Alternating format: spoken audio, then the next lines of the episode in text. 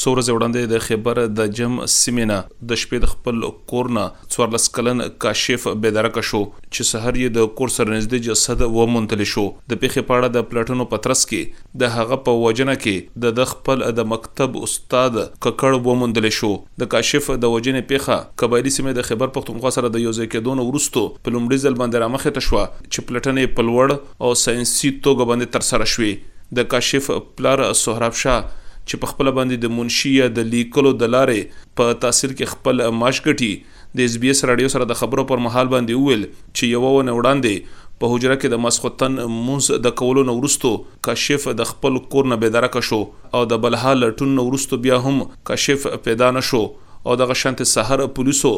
دوی ته خبر ورکړو چې د کاشف جسد د هغې د کور سره نږدې موندل شوی دی کوم چې د تماچې په یوې مرمې د ویشتلو سره هغه خپل ژوند د لاسه ورکړی دی. حالانکه دلته تاوېدو را تاوېدو خو موږ هغه نه غیب وو اوس چې تا پسې څوک موټر سایکل والا راغلی تا پسې ته پیدل بولی یې خامخا موږ تره زوی مخامخ کور دی دومره دروازه لکه د نه ده دغه پیلر پوه شوې او خامخا ویل چې زه دلته یم زبیر نامه یې کنه چې دلته یم هم اسکول هغه دی استاد دی کنه یو سړی کم از کم لږ میس کې لږ کمزوری و نو پښتنې ته پوښتنې ته کول دنه مې پښ په باندې پښتنې دا مې مترز وای دا مې استاد دی پرایویټ سکول کې نو بس دا ورځې پښتنه ونه کړه لکه موقع ته دغه جوړ نه کړو چې دا پښتنه وکړي مور پلار نه چې زه چېرته څه خو چې ټوله شپه ترې دغه سره ته سوچ هم نشي کولی چې یاره دا یې پښتنه ونه کړي چې ټوله شپه کوي مثال او ایک سړی دغه موقع ته نه جوړ کړي چې چا به ولی که موټر سایکل وو که پیدل وو چې ته په کور کې مور پلار نه پښتنه وای چې موږ لړنې زیره څو او خامخا پښتنه وې کوله پوه شوې لکه داسې کار یې کړی چې هلک غوندې ډارن غوندې وسې پریان میران یې ډارېد هو نو چې دومره یې بولی هسې تقریبا سل دوه سوه قدمه یې بولی نو بیا خو دی نه شو راتلی غمخه توره تیاره وه دا خو شخړه علاقه ده د شپې که نه او غله او یو شی بل شی نو مطلب چې د موقع ته نه جوړ کړ بیا چې بچ بیخي غیب شو کنه بارا شوې یک بجه ته څنګه چلل سی صاحب چې به سه صد بجې صبحي مطلب چې 8 تاریخو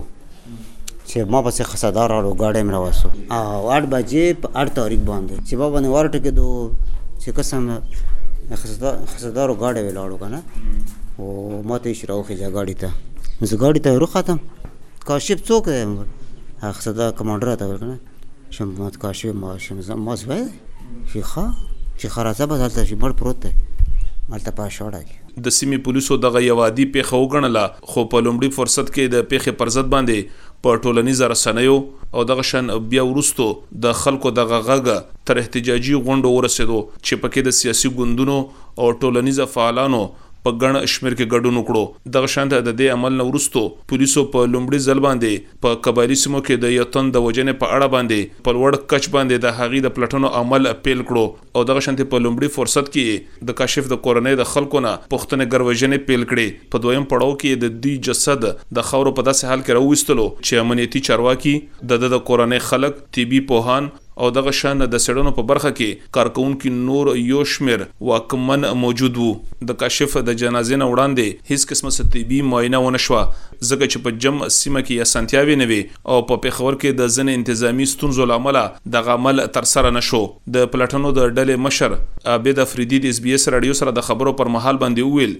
چې د کاشف په وژنه کې ککړ عسل تن ته رسېدل یو مشکل عمل و، ځکه چې وژونکي تن هېڅ قسمه څه داسې اثار نه وو پرېښودلي چې په اسانه باندې دغه ته معلومه شي چې په دغه پېښه کې څوک ککړ دی. دوی وې چې د شک پر اساس باندې تر شپاړسو کسانو پوښتنې ګروژنې شوې وې. د لا چارواکو نه ترلاسه شوو معلوماتو ترمخه د کاشف د قاتلانو په نیولو کې تر ټولو مهم هغه موبایل و، چې ده ته په دغه ورځ باندې سره د یو سیم کارد ورکړې شوې وو خو بیا د وژل کېدو نه وروستو قاتلانو هغه سیم کارد او موبایل د دځان سره وړې وو. تحقیق کوونکو وویل چې د کاشف د وژنې په اړه باندې چې کومې پلټنې تر سره شوې دي نو دا په پاکستان کې تر ټولو جدید او په لوړ کچ باندې یو عمل وو چې دلته کې تر سره شو دغه شان په اخیري فرصت کې یو عمل تر سره شو او د شپې په سیمه کې کارول شوي د هغه ټولو موبایلونو ډیټه راوویستل شوه چې تر په اسانه باندې تر قاتل پورې رسد وشو. د سیمې د پولیسو مشر محمود حسین تېره ورځ د خبریالانو سره د خبرو پر مهال باندې وویل چې د کاشف په وژنه کې د هغه د مکتب استاد ککړ دی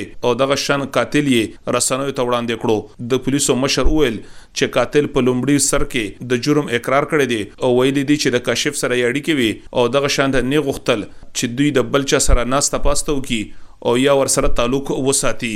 هم د هغه ورځ نه زمونږ په ډیر سټریک مانیټرینګ کې وو او بیا یو ټیم هغه خپل ګلټ تسلیم کو او ما نن تاسو له هغه سلسله کې زحمت درکو دا مرکزی او واحد ملزم نه دا د دغلطه امان پبلک سکول ټیچر هم دی چې په کوم سکول کې د ماشوم سبق وي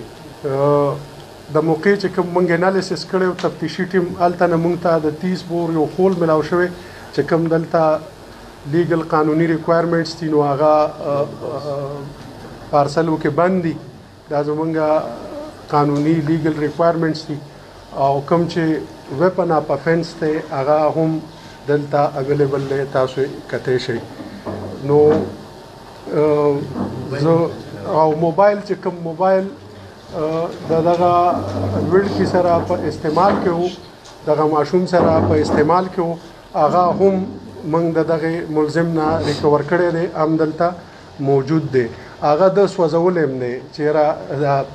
ټریسنګ یا دا ټول ایویډنسز دی سمیش کی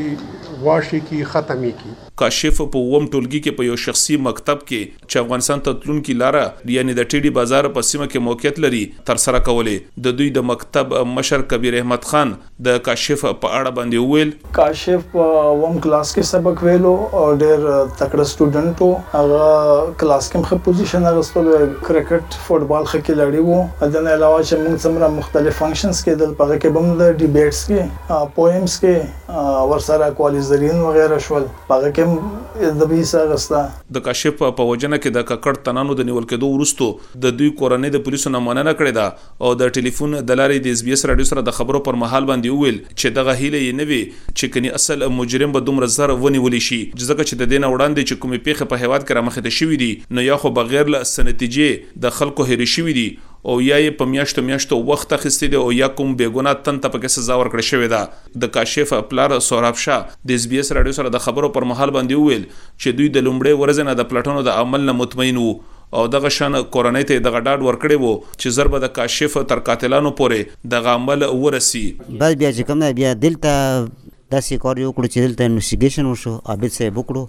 ایمان او خبر پور طریقه باندې ای سی او ډي سی صاحب نه چې کوم مطمئن یو ځکه چې دوه کوم هغه شروع کړی ده کنه په دې وروستیو کې په پاکستان کې د جنسي تېري وروسته د وژل کېدو په پېښو کې سیواوالی راغلی دی او دغه شان په پېښو کې ککړ تنان ډېر په کم شمېر کې نیول شوي دي او یا ورته سزاګانې ورکړل شوي دي. د پېښو په دغه عمل کې د سیواوالي نه وروسته په خلکو کې د خپلو ماشومانو د خوندي ژوند په اړه باندې اندېښنې راپارېدلې دي بلخوا د کاشف کورنۍ د پولیسو نه غوښتنه کړې ده چې د کاشف قاتل دې دوی ته د د قبایلي د رسم او رواج مطابق وسپارل شي خو پولیسو دریځ خپل کړی دی چې ککړ تن به محکمې ته وړاندې کول شي او د ده قضیه به په محکمه کې اوریدل کیږي اسلام ګل افریدي اس بي اس راډیو خیبر.